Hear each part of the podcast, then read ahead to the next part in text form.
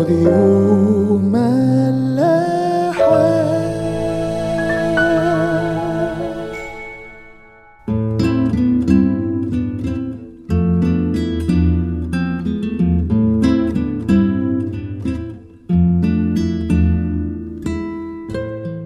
الخير أهلا بيكم في حلقة جديدة من عيش وملح.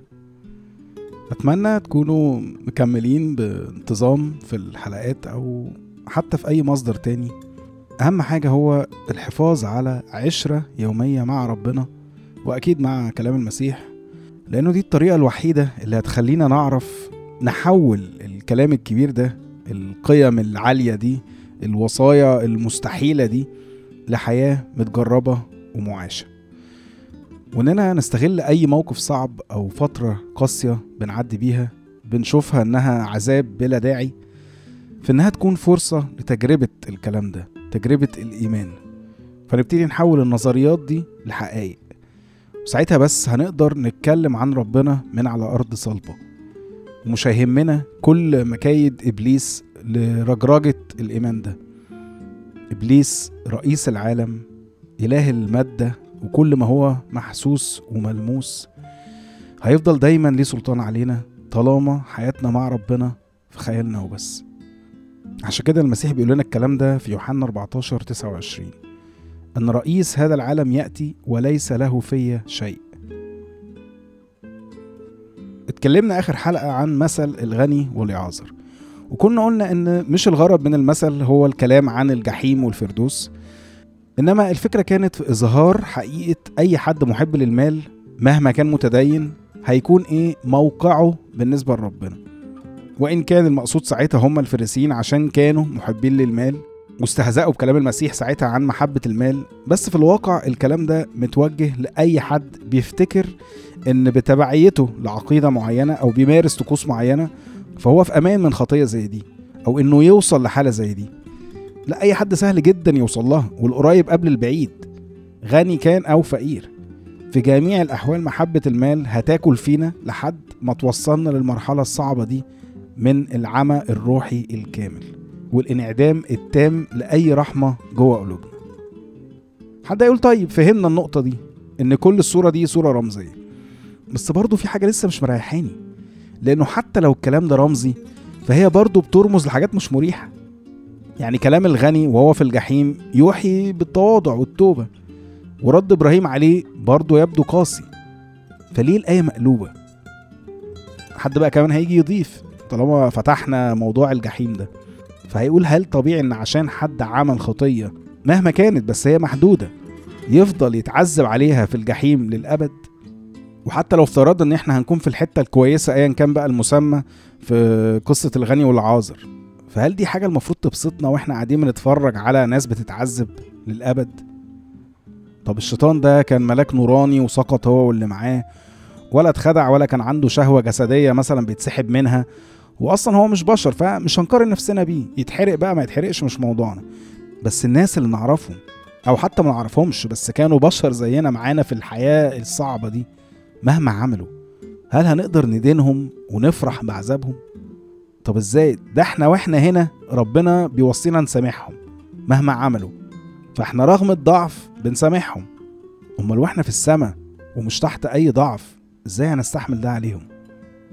زنقتكم ها؟ وانا زرقتنا كلنا. طيب خلونا يعني نحاول ناخدها كده واحدة واحدة. اولا خلينا ناخد موضوع السماء لوحده. إيه اللي بيقوله الكتاب عن السماء أو شكل الحياة الأبدية؟ لسبب ما يعني ممكن نفهمه بعدين بعدين في الحلقة يعني مش بعدين في الآخر بس مش هنلاقي أي حاجة بتوصف شكل السماء أو بيتعمل فيها إيه. إلا كلام بسيط قوي يعني مثلا في يوحنا 14 2 المسيح يقول كده في بيت أبي منازل كثيرة وإلا فإني كنت قد قلت لكم أنا أمضي لأعد لكم مكانا.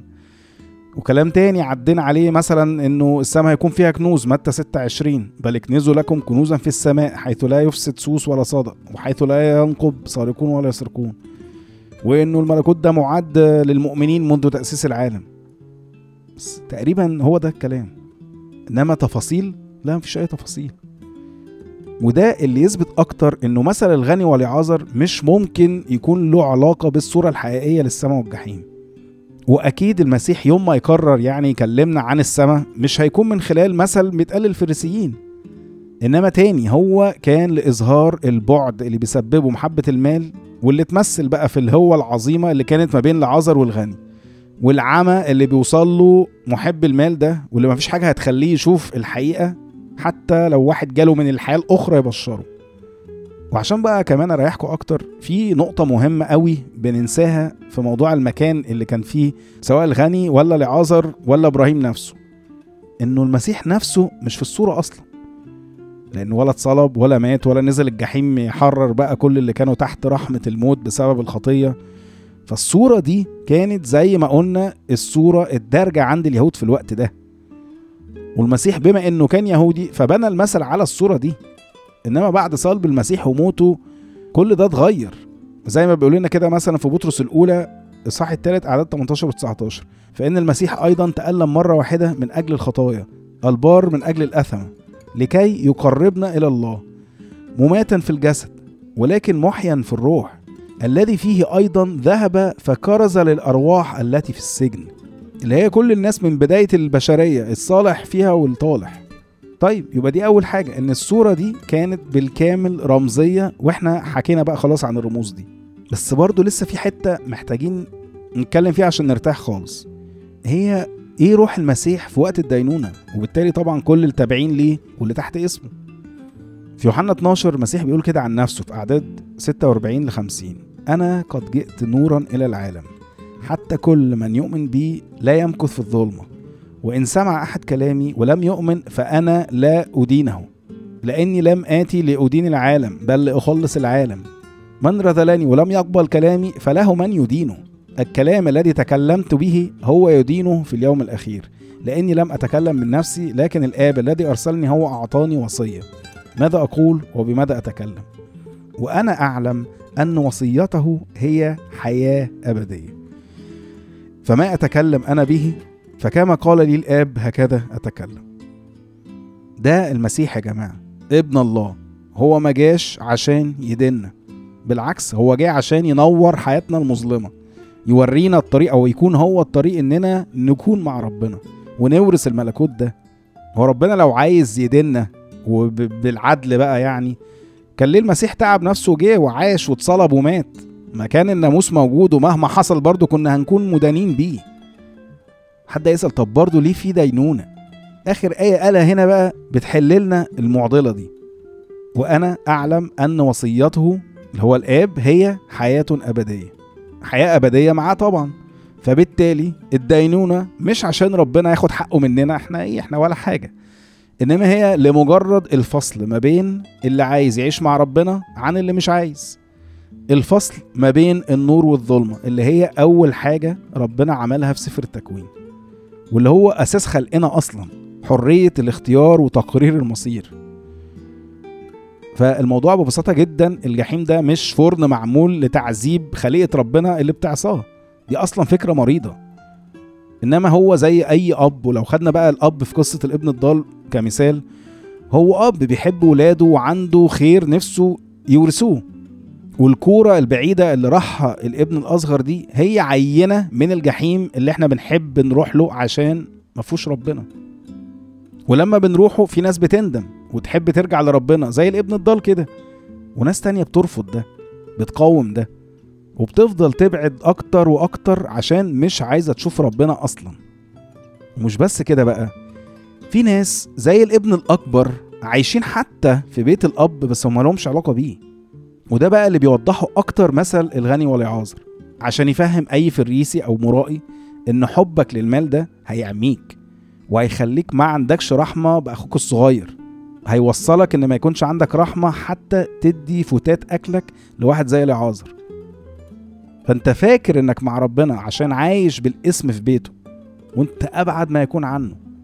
زي ما بيقول كده في أشعية 29 13 على لسان ربنا لأن هذا الشعب قد اقترب إلي بفمه وأكرمني بشفتيه وأما قلبه فأبعده عني. أنت شكلك معاه بس في الواقع أنت في الجحيم. والمبدأ ده يا جماعة اللي بيجي منه كل تحذيرات المسيح عن اليوم الأخير. دايما دايما للفريسي أو المرائي اللي فاكر نفسه أحق بالملكوت عشان آه، نسبه لإبراهيم أو انتمائه لليهودية. وطبعا ده بينعكس علينا إحنا دلوقتي. لو جالنا نفس الاعتقاد بسبب آه، كنا مسيحيين أو منتمين لأي كنيسة.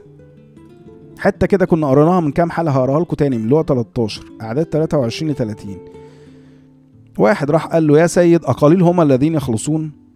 على أساس طبعا هو هيخلص فهو قلقان على الباقي يعني. فقال لهم اجتهدوا أن تدخلوا من الباب الضيق فاني أقول لكم إن كثيرين سيطلبون أن يدخلوا ولا يقدرون.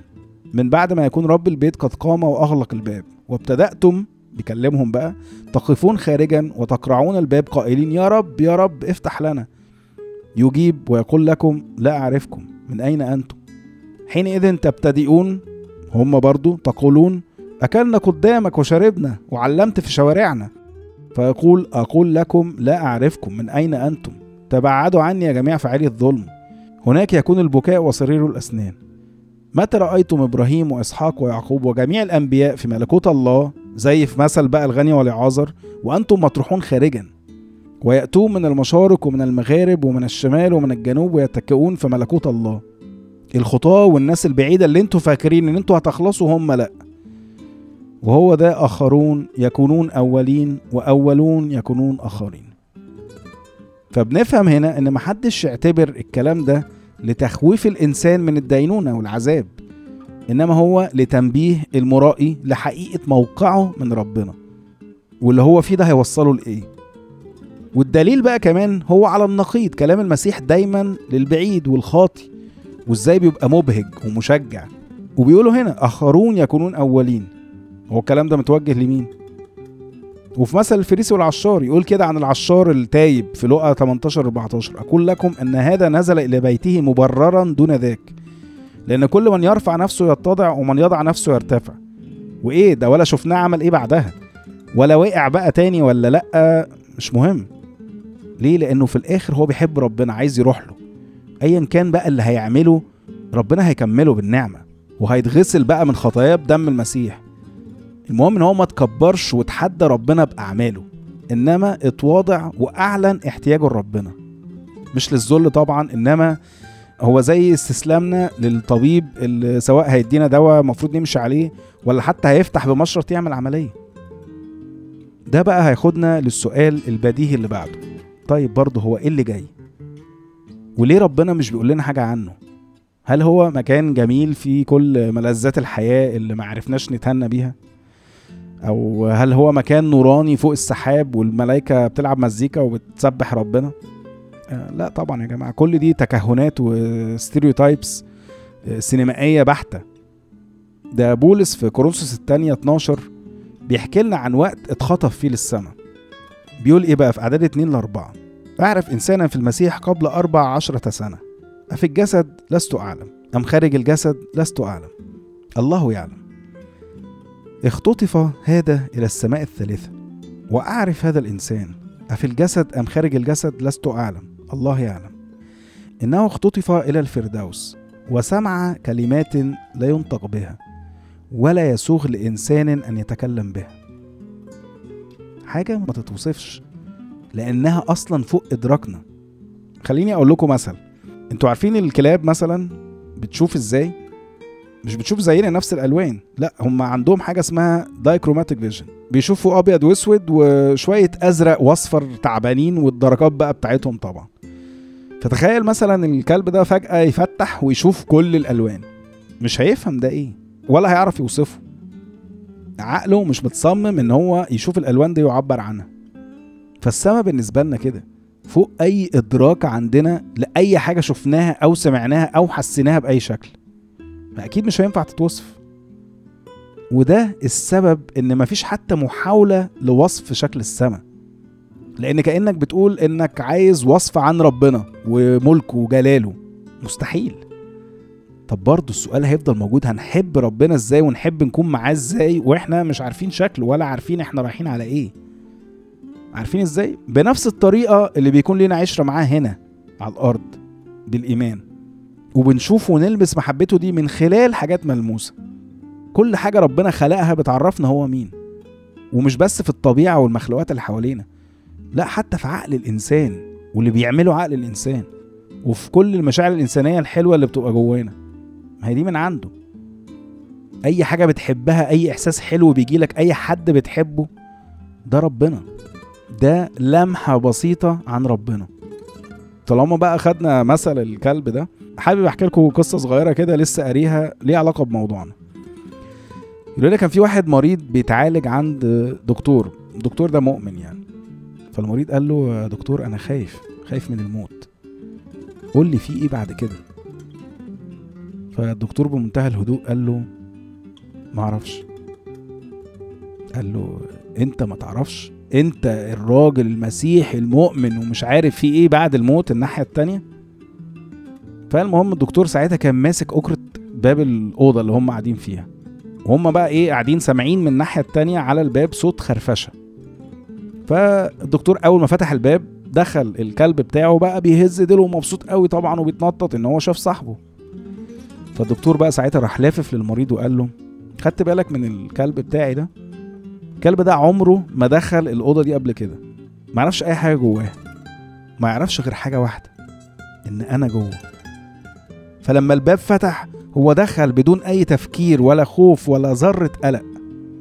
فأنا آه معرفش إيه اللي موجود على الجانب التاني. بس أنا أعرف حاجة واحدة إن ربنا هيكون هناك. وده كفاية عندي. أشوفكم الحلقة الجاية.